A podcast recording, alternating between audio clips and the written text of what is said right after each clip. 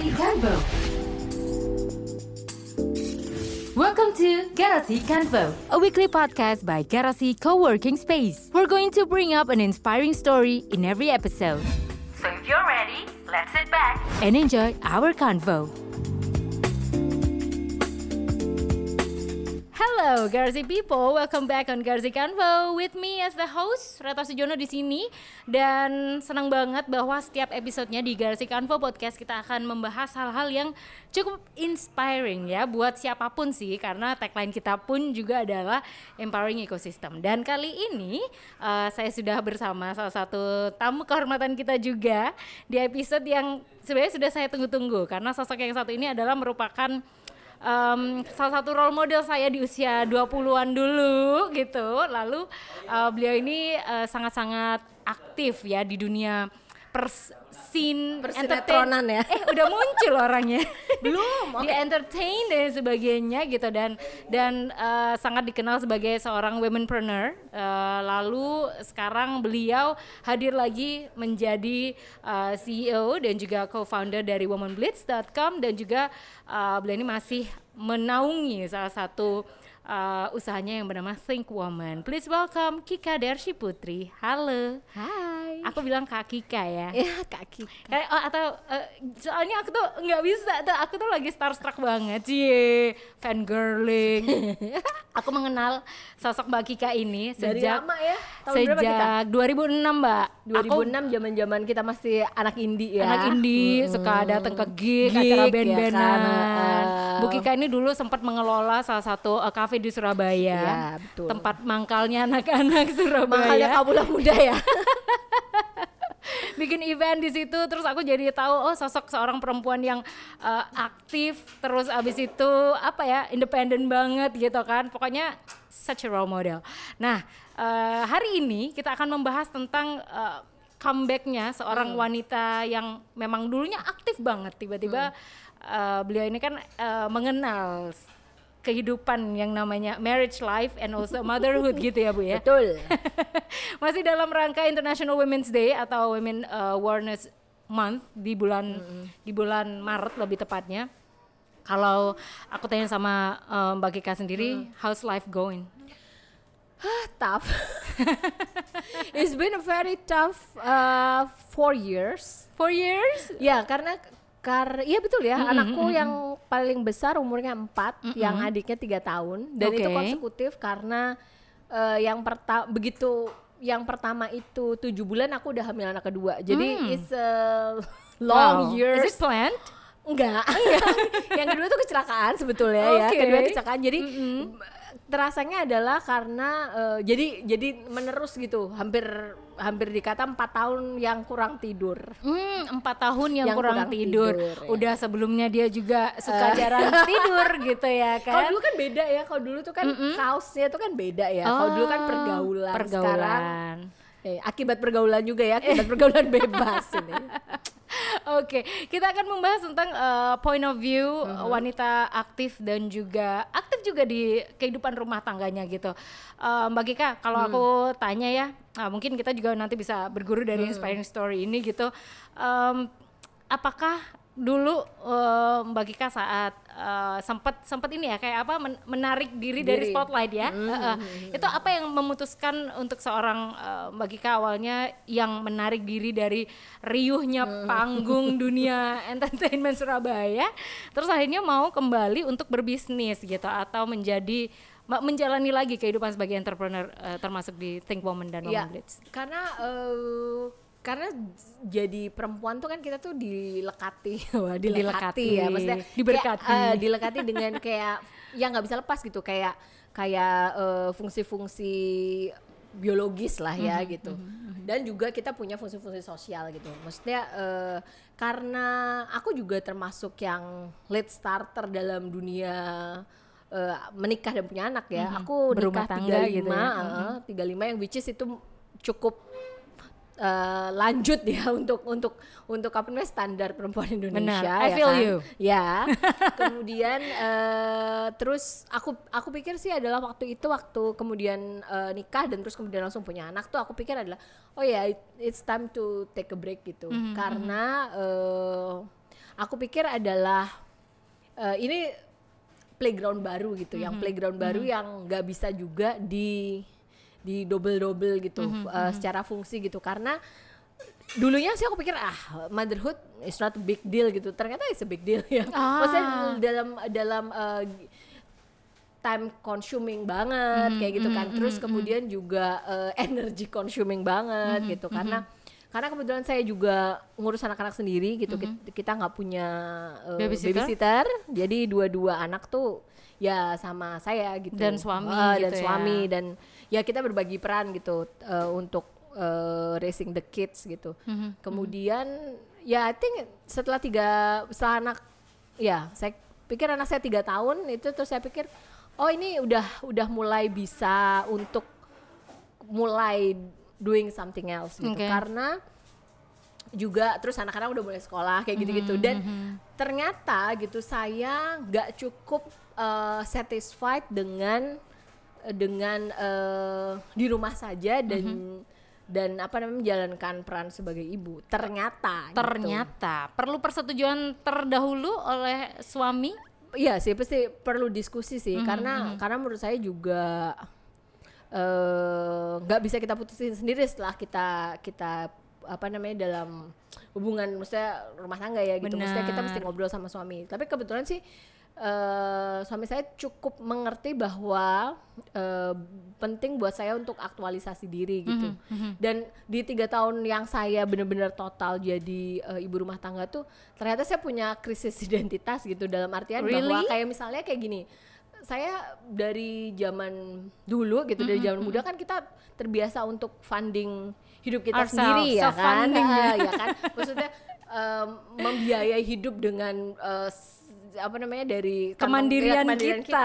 Lalu? terus kemudian shifting menjadi ibu rumah tangga itu ternyata susah juga ya karena misalnya nggak tahu mungkin ego saya ya tapi kayak misalnya kayak saya tuh malu tuh kalau minta Minta bulan suami minta gitu. suami eh, minta duit belanja gitu Iya, atau oke, mungkin kids saya jadi sensitif banget saat misalnya misalnya duit belanja kita sepakati nilai X gitu terus kemudian belum habis tanggalnya misalnya tapi kemudian mungkin ada vaksin anak apa apa gitu terus kemudian suami saya akan tanya loh eh emangnya udah habis gitu? Tuh saya tuh langsung langsung kayak tersinggung gitu dalam Oh, arti- gitu? ya, dalam, dalam artian adalah loh aku nggak pakai duit buat kepentingan pribadi aku gitu. Tapi Hmm, kok kamu tanya gitu? Padahal padahal suami saya nanya cuma loh kenapa udah habis?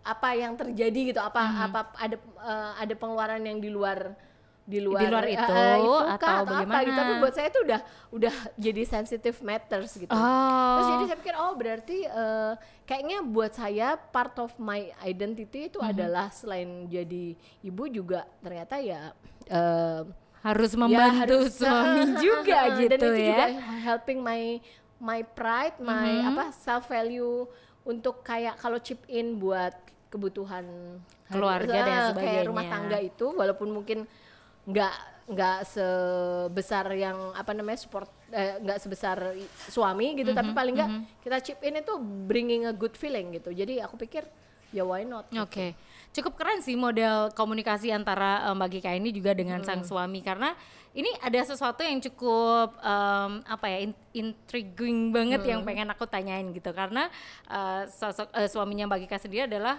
notabene seorang expat ya, ya, seorang WNA, expat iya, gitu betul, ya. betul. Bukan bukanlah orang Indonesia. Lokal. Nah, tapi kita akan berbicara sedikit. Hmm. Kalau dari pemantauannya Mbak Gika dan juga teman-teman mungkin sesama teman-teman wanita dan juga sesama Hmm. housewife gitu, uh, is that really a stigma that marrying a, a, um, a foreigner has a different vibes with the Indonesian guy? maksudnya gimana tuh? Kan katanya kalau banyak nih teman-teman ini nih dari cerita curhatan uh, teman-temanku ya. Misalnya kalau ada um, menikah dengan orang Indonesia misalnya mereka tuh lebih yang suka istri itu memang lebih dedicated di rumah meskipun oke, boleh berkarir oke, oke. tapi kalau misalnya dengan dengan seorang wena mungkin atau foreigner mereka cenderung sangat-sangat terbuka dan membolehkan seorang istri itu sama-sama tuh kontribusinya Oke, atau malah oke. ada yang bisa jadi stay home dad Oke. and working mother outside itu Aku, gimana uh, tuh Mbak Gika kalau- pandangannya? Kalau aku sih ngeliatnya itu uh, tot- totally uh, konstruksi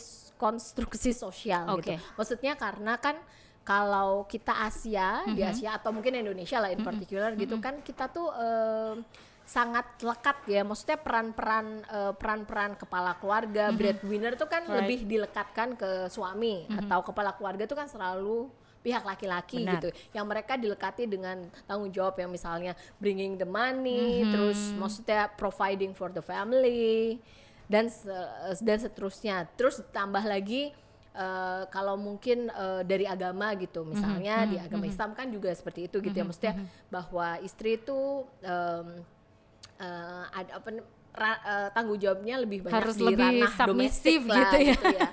Cuma eh, nggak mungkin case per case sih ya. Oke. Tak- maksudnya nggak nggak nggak selalu juga pria Indonesia seperti Mhm, itu, tapi mungkin secara konstruksi sosial kemudian jadi jadi begitu ya. Mhm, Ke- Kebetulan sih ya mungkin karena suami saya juga bukan orang Indonesia, jadi kita eh, cukup terbuka sih gitu. Maksudnya untuk ngobrol ini dan dia cukup enak gitu. Maksud saya kayak misalnya nih eh, tanggung jawab tanggung jawab rumah tangga gitu. Kayak misalnya di kita giliran eh, setiap hari itu kayak misalnya malam ini saya eh, bawa anak-anak tidur, boboin anak-anak, berarti besok giliran dia boboin Wah, anak-anak gitu seru misalnya. banget gotong royong ya. Iya kan gotong royong. Terus juga eh, dia sangat mandiri dalam artian saya bisa tuh misalnya saya ada pekerjaan di luar kota yang saya ninggal anak-anak dia bisa pegang anak-anak lah istilahnya. Karena kita juga nggak punya Babysitter tadi. nggak babysitter kita juga nggak punya asisten rumah tangga yang stay. Jadi jadi eh, kalau malam dan weekend itu tanggung jawab kita berdua. Oke. Jadi bener-bener bener-bener seperti itulah gitu. Terus dia juga, maksudnya lumayan sih, lumayan membantu saya untuk bisa ngapa-ngapain manage gitu. the time gitu ya. Yes, Oke. gitu. Now, if we're talking about manage the time nih sama Mbak Hmm. Kika yang juga dengan juggling schedulesnya gitu loh, back to the business, kembali menjadi Hmm. womanpreneur, jadi CEO salah satu online media Hmm. yang yang women based gitu dan dan juga think woman-nya tuh masih eh, jalan gitu Hmm. Iya. ya. Itu masih kayak semacam event organizer ya gitu ya. Hmm. Itu seperti eh, presentase pembagian waktunya tuh berapa persen untuk pekerjaan, berapa persen untuk keluarga, berapa persen untuk diri Anda sendiri. Gak pernah bisa di persentase ki- Oke, per- per- persentasein sih karena saya juga baru saya juga cari eh, titik balance-nya masih masih belum ketemu sih menurut saya gitu. Maksudnya I kita selalu masih juggling juga kayak kamu bilang masih juggling which is berarti saya tapi untungnya di pekerjaan maksudnya kita punya usaha sendiri kan bisa mengatur waktu ya. Maksudnya kita nggak terikat dengan 9 to 5 Ah, gitu ya. Maksudnya lebih- lebih, enaknya di lebih- situ lebih apa tuh, Mbak, kalau kita lebih bilang fleksibel. ya dari fleksibilitas itu dapat gitu. Jadi Oke. kalau di eh, di titik titik kita yang masih punya anak-anak yang masih balita yang which is masih butuh waktu Masih tuh dependent ya sama ah, kita masih, ya. masih bisa lebih lebih ngatur waktu gitu. Tapi saya berusaha sih untuk kayak gitu. Jadi saya pokoknya sejak saya ngerasa juga karena saya sekarang hitting fourth eh, saya sudah 41 ya tahun Mhm, ini jadi saya tuh berusaha untuk balance dalam artian kayak saya punya waktu buat olahraga gitu misalnya Ah, saya tuh olahraga berusaha kayak seminggu tuh saya punya jatah olahraga tiga kali gitu Oke, seperti apa olahraganya? Angkat beban mungkin? saya cukup ini sih yang Oh iya, iya yang dua ya? kali itu cukup Cukup ekstrim ya? ekstrim ya apa tuh? jadi saya eh, apa sih namanya Apaan? tuh kayak Freeletics? ya kayak freeletics jadi ada ada TRX-nya juga Wow. ada kayak apa sih istilahnya tuh eh, Body combat? kayak, eh, ada saya juga boxing Wow, gitu Amazing. terus eh, karena ka- karena saya eh, itu ya karena saya ngerasa setelah lebih tua kan sebenarnya nggak muluk lagi gitu kalau dulu kan mungkin ah mau Pengen kurus mau kurus apa dan gitu sebagainya, ya sekarang oke. tuh lebih kayak saya butuh bisa ngejar anak-anak naik sepeda saya butuh angkat-angkat belanjaan lebih yang Oke, praktikal gitu right. alasannya gitu terus kemudian saya yoga juga Oke. untuk balancing terus ya udah jadi saya bisa atur tuh kayak misalnya jadi tiga hari dalam seminggu saya yang ngantor tuh idealnya tuh yang full time tuh dua hari gitu yang tiga tuh setengah hari gitu Ih keren banget ya. Banyak yang mikir kalau ah kota kayak Surabaya mana bisa sih dibikin yang kayak gitu. Eh ternyata di sini sudah ada uh, real example gitu loh. Untuk seorang Mbak sendiri udah menerapkan gitu tema te, bukan tema ya apa nih gaya hidup yang seimbang antara berkarir, berumah tangga dan dan berapa? Ber- beranak. dan beraktualisasi diri Diri, gitu ya kan? Oke nah mungkin kita juga nggak mau nyita waktunya bagi ke lama-lama. Uh, this is maybe this will be like the last uh, question tapi nanti kita juga akan kerjasama terus dengan womenbliss.com gitu ya. Um, tips atau mungkin message deh dari um, Mbak Kika untuk wanita-wanita aktif di luar sana yang juga mungkin saat ini masih struggling with with her apa nih kita kayak with our insecurity dan sebagainya? Dari Mbak Kika seperti apa sih kalimat saktinya? Kalimat saktinya sebenarnya sebenarnya sih ini sih eh, adalah ini kayak semua orang tuh berjalan di track itu tadi di track hidupnya masing-masing gitu lintasan pacunya tuh masing-masing gitu. Jadi nggak pernah berhasil kalau kita selalu melihat ke lintasan sebelah gitu. Right. entah kecepatannya karena kan setiap orang larinya juga beda-beda. Mungkin ada yang lebih aku kayaknya bisanya jalan deh nggak bisa lari. Atau aku bisanya lari tapi lari-lari kecil lah gitu ya Oke. nggak sprint gitu misalnya. Jadi kalau kita selalu ngelihat ke lintasan temen gitu it will not help anything to our own life gitu. Karena kemudian eh, apa ya goal-goal yang kita susun berdasarkan kecepatan orang lain berdasarkan kebutuhan dan apa namanya dan dan pencapaian orang lain lama-lama kan capek sendiri gitu. Jadi Oke. mungkin eh, susun apa ya eh, harapan yang lebih proporsional yang lebih cocok sama hidup kamu aja gitu karena Oke. kalau enggak ya capek sendiri karena harus memenuhi approval orang lain society Ya, approval betul. dan sebagainya ya. Itu mungkin kayak seperti eh, lagu dari Hindi ya judulnya ya. Esok kita akan sampai gitu loh. Jadi atau mungkin kita juga nggak akan sampai it's okay it's alright. Oh, karena yang penting kan baik. kadang-kadang yang penting adalah nggak nggak achieving the goal Mhm. tapi adalah belajar sesuatu dari maksudnya Prosesnya. perjalanan itu kan prosesnya kan gitu. Oke, nggak apa-apa ternyata lo nggak achieving the goals buat eh, mungkin manusia-manusia perfectionist dan sangat kompetitif di luar sana termasuk note to myself. Ini kata paling sakti yang barusan kita dengerin bareng adalah it's okay not to achieve the goal but le- eh, enjoy the process enjoy the process. Keren banget deh obrolan kita hari ini. kita naik kelas lagi. Thank you banget bagi Kadashi Putri untuk waktunya ngobrol di Garasi Kanvo Podcast. sampai ketemu Semoga nanti kita bisa ngobrol lagi dengan topik-topik yang lebih seru lagi. Kalau misalnya kalian eh, ingin memberikan juga sumbangsih topik apa yang ingin kita obrolkan di Garasi Kanvo, silakan saja follow di social media kita di @garasi.kanvopodcast dan kita mau ngucapin terima kasih juga untuk eh, satu rasa kopi by Kopi Kompleks yang sudah eh, menaungi kita untuk episode hari ini dan juga untuk True Sonic Studio Surabaya untuk opening and closing tunes also for womanblitz.com. Jangan lupa untuk terus dengerin Garasi Kanvo Empowering Ecosystem. Thank you for listening Garasi Canvo. Don't forget to follow our podcast channel and our social media at garasi.coworkspace. We'll see you soon on another empowering stories. Garasi Canvo, empowering ecosystem.